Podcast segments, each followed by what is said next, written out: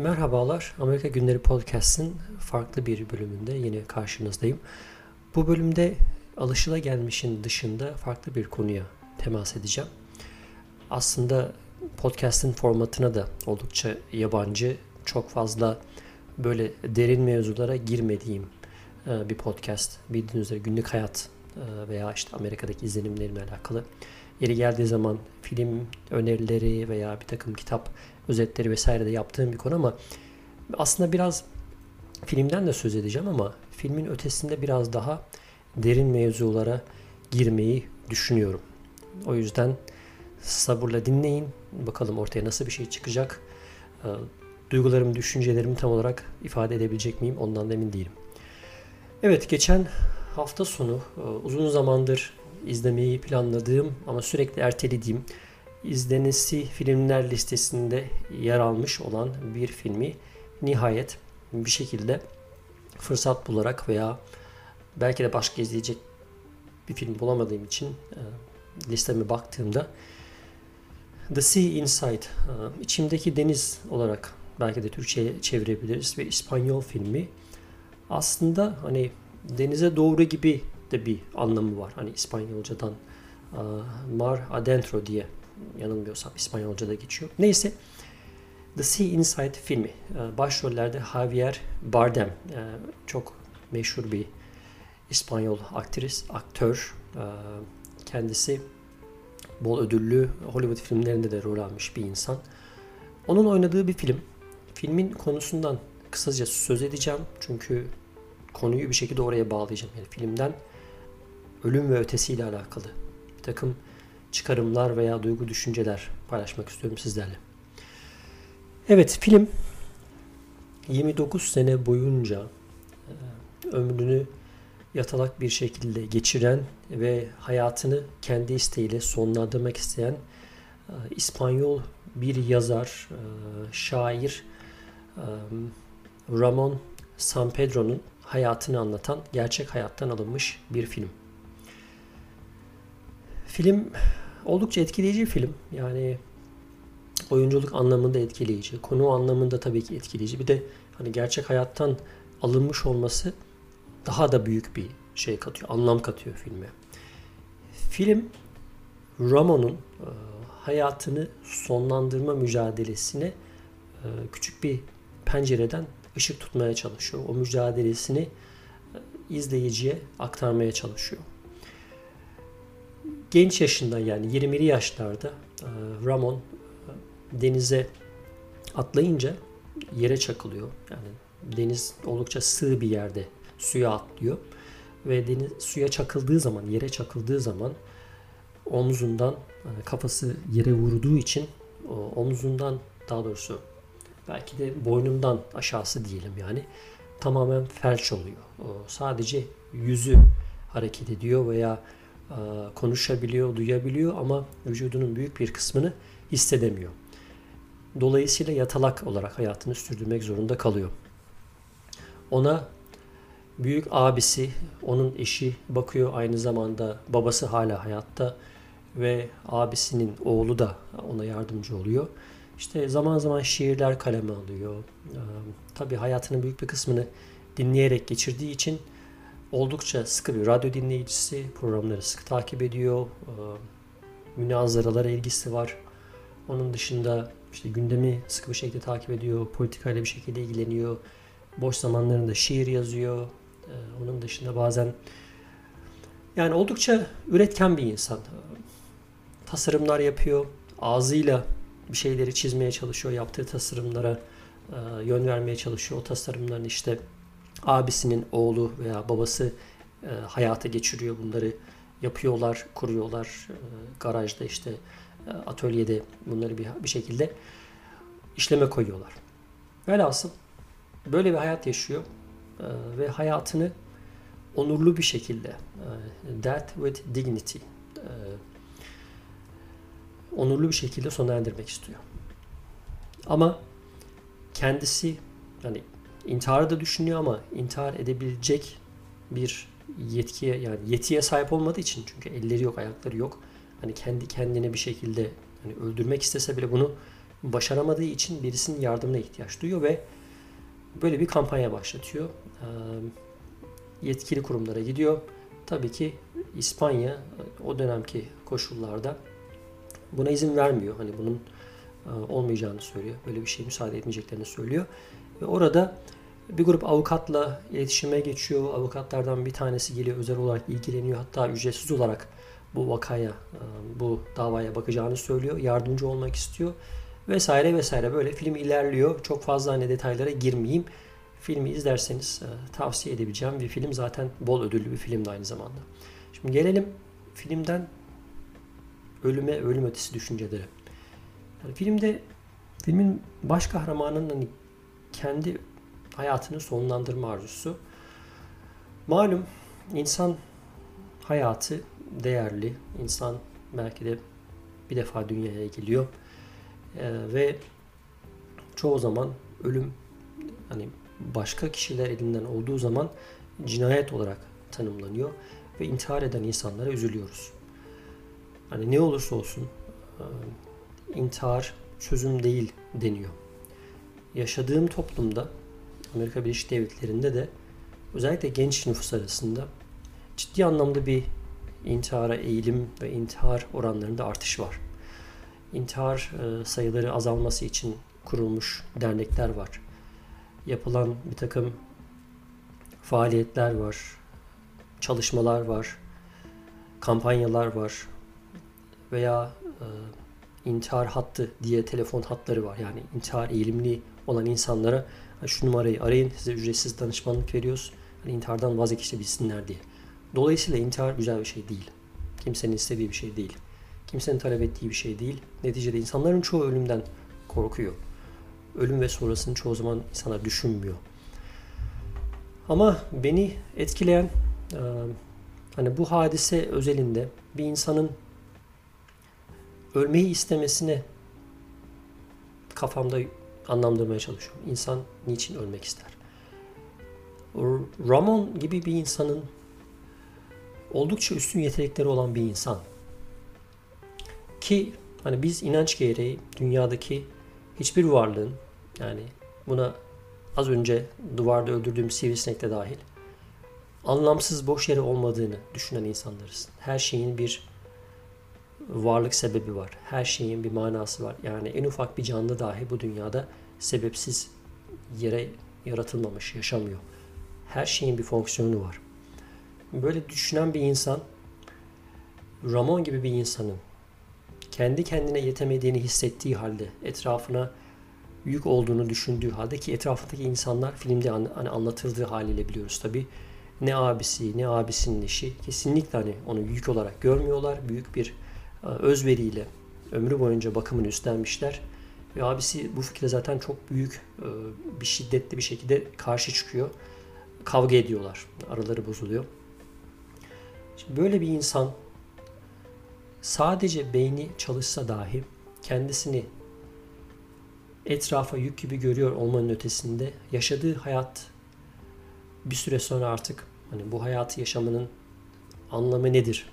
Niçin yaşıyorum ve filmde de Ramon'un düşüncelerini bizimle paylaştığı için kısmen e, dünyadan sonrasına, ölümden sonrasına zaten inanmayan bir insan olduğunu da anlıyoruz. Yani ölümden sonrası yok. Hani nasıl biz doğduktan önce, doğmadan önce hiçbir şey değilse, hiçbir şey yoktuysa öldükten sonra da hiçbir şey olmayacak diye bir cümlesi var filmin yerinde.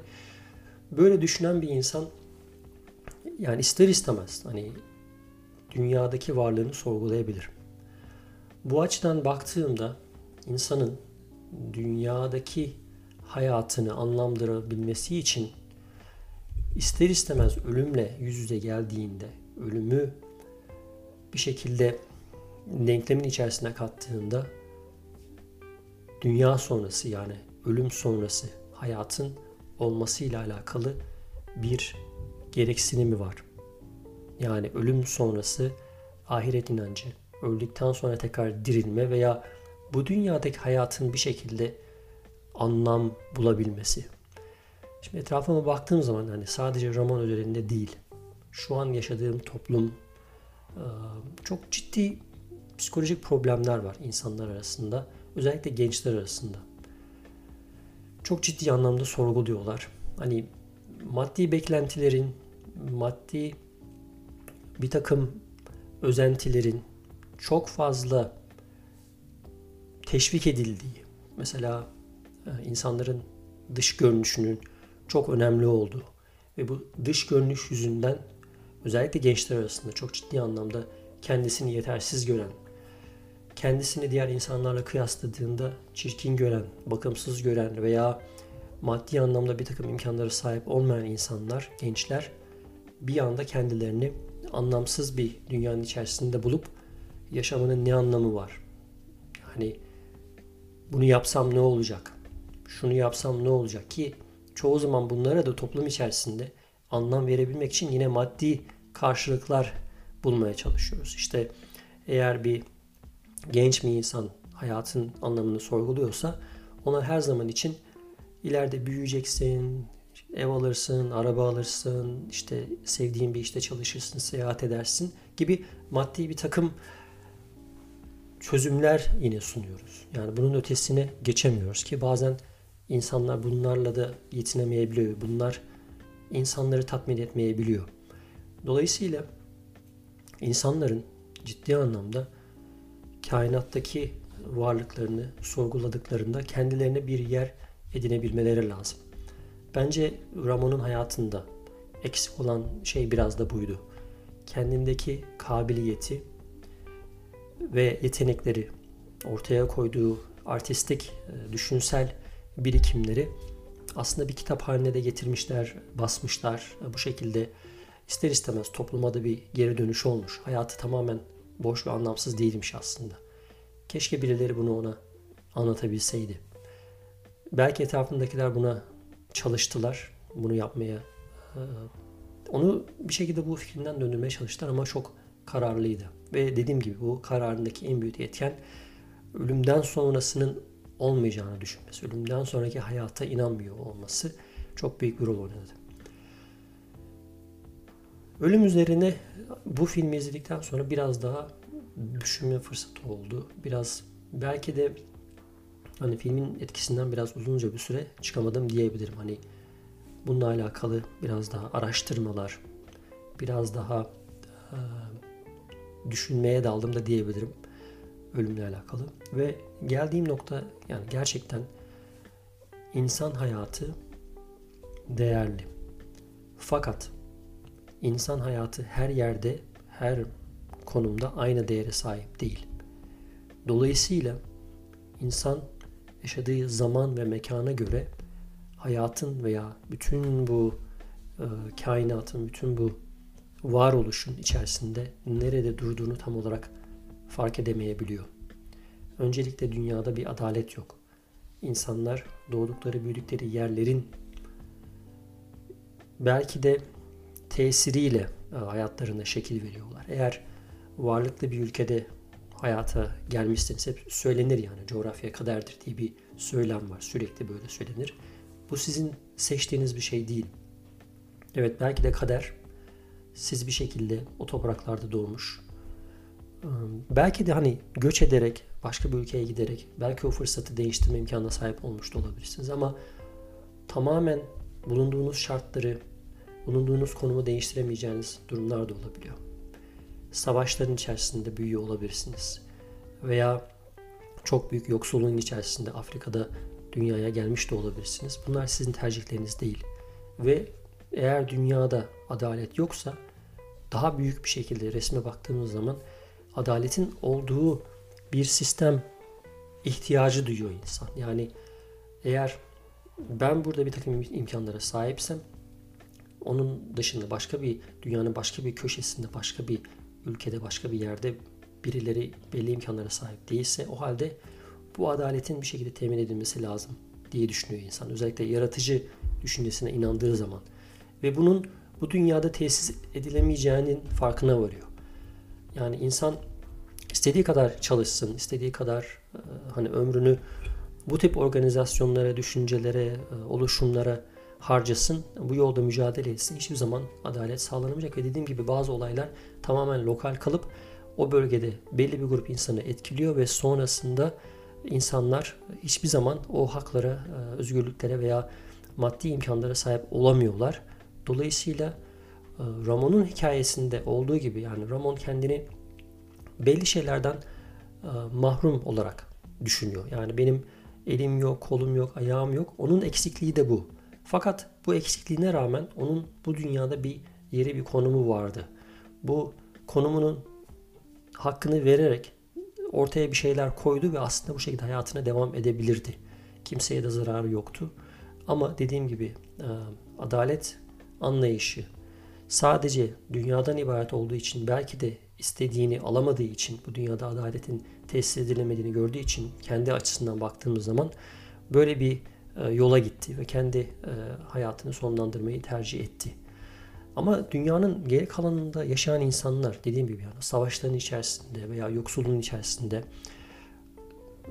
pek çok imkandan e, yoksun insanlar herkes bu şekilde düşündüğü zaman o zaman hakikaten dünya gerçekten yaşanmaz bir yer olmaya, anlamsız bir yer olmaya gidiyor. Bir taraftan tabii dediğim gibi maddi beklentiler, maddi e, kazançlar veya her şeyin maddiyatla ölçülmesi insanı diğer düşüncelere, diğer e, olgulara sevk edebiliyor. Geçen geçenlerde e, Aziz Nesin'in bir videosunu dinledim. Böyle bir iki dakikalık, üç dakikalık bir video. Şöyle diyordu Aziz Nesin. Aziz Nesin de bu düşünce yapısında olan bir insan olduğu için çok enteresan bir örnek geldi bana. Şeye inanmıyor hani Aziz Nesin bildiğiniz üzere. Ölüm ötesine inanmıyor. Hani bütün her şeyin bu dünyadan ibaret olduğunu inanıyor ve yaptığı konuşmasında şunu söylüyordu. Bu dünyada o kadar çok hani acı çeken insan var, açlık, yoksulluk çeken insan var ama kimsenin umurunda değil. Herkes bir şekilde evin var mı, araban var mı, evinin önünde işte 3-5 e, tane çiçeğin var mı, bunları suluyor musun? Bu yani hani senin hayatın bundan ibaret. Sen bunlarla mutlu oluyorsun. Ve gerisi önemli değil. İnsanlar ne yaparsa yapsın. Hani ben yeter ki hani düzenimi devam ettireyim. E, işte ses çıkarmayayım. E, kimseyi işte şey demeyeyim kötülemeyeyim. E, yeter ki kimse bana dokunmasın. Ben bu düzenimi sürdüreyim diye düşünen pek çok insan var diyordu hani o videoda. Haklıydı Aziz Nesin belki de o videoda söylediğiyle. Ama bu haklılık ister istemez bu dünyadaki bir adaletsizliği ortadan kaldıramayacaktı. Bu adaletsiz devam edip gidecekti. Dolayısıyla insanın ister istemez bu adaletsizliği ortadan kaldırabilecek bir mekanizmaya ihtiyaç duyduğu dönemde bir e, ölüm sonrası e, bir şekilde bu eşitsizliği ortadan kaldırabilecek adil bir e, mahkemenin kurulması ihtiyacı doğuyor insan içerisinde. Ben en azından böyle düşünüyorum. Evet. Dediğim gibi bugün farklı bir konuya temas edeceğimi söyledim. Biraz ölüm ve ötesi üzerine düşüncelerimi sizlerle paylaşmak istedim.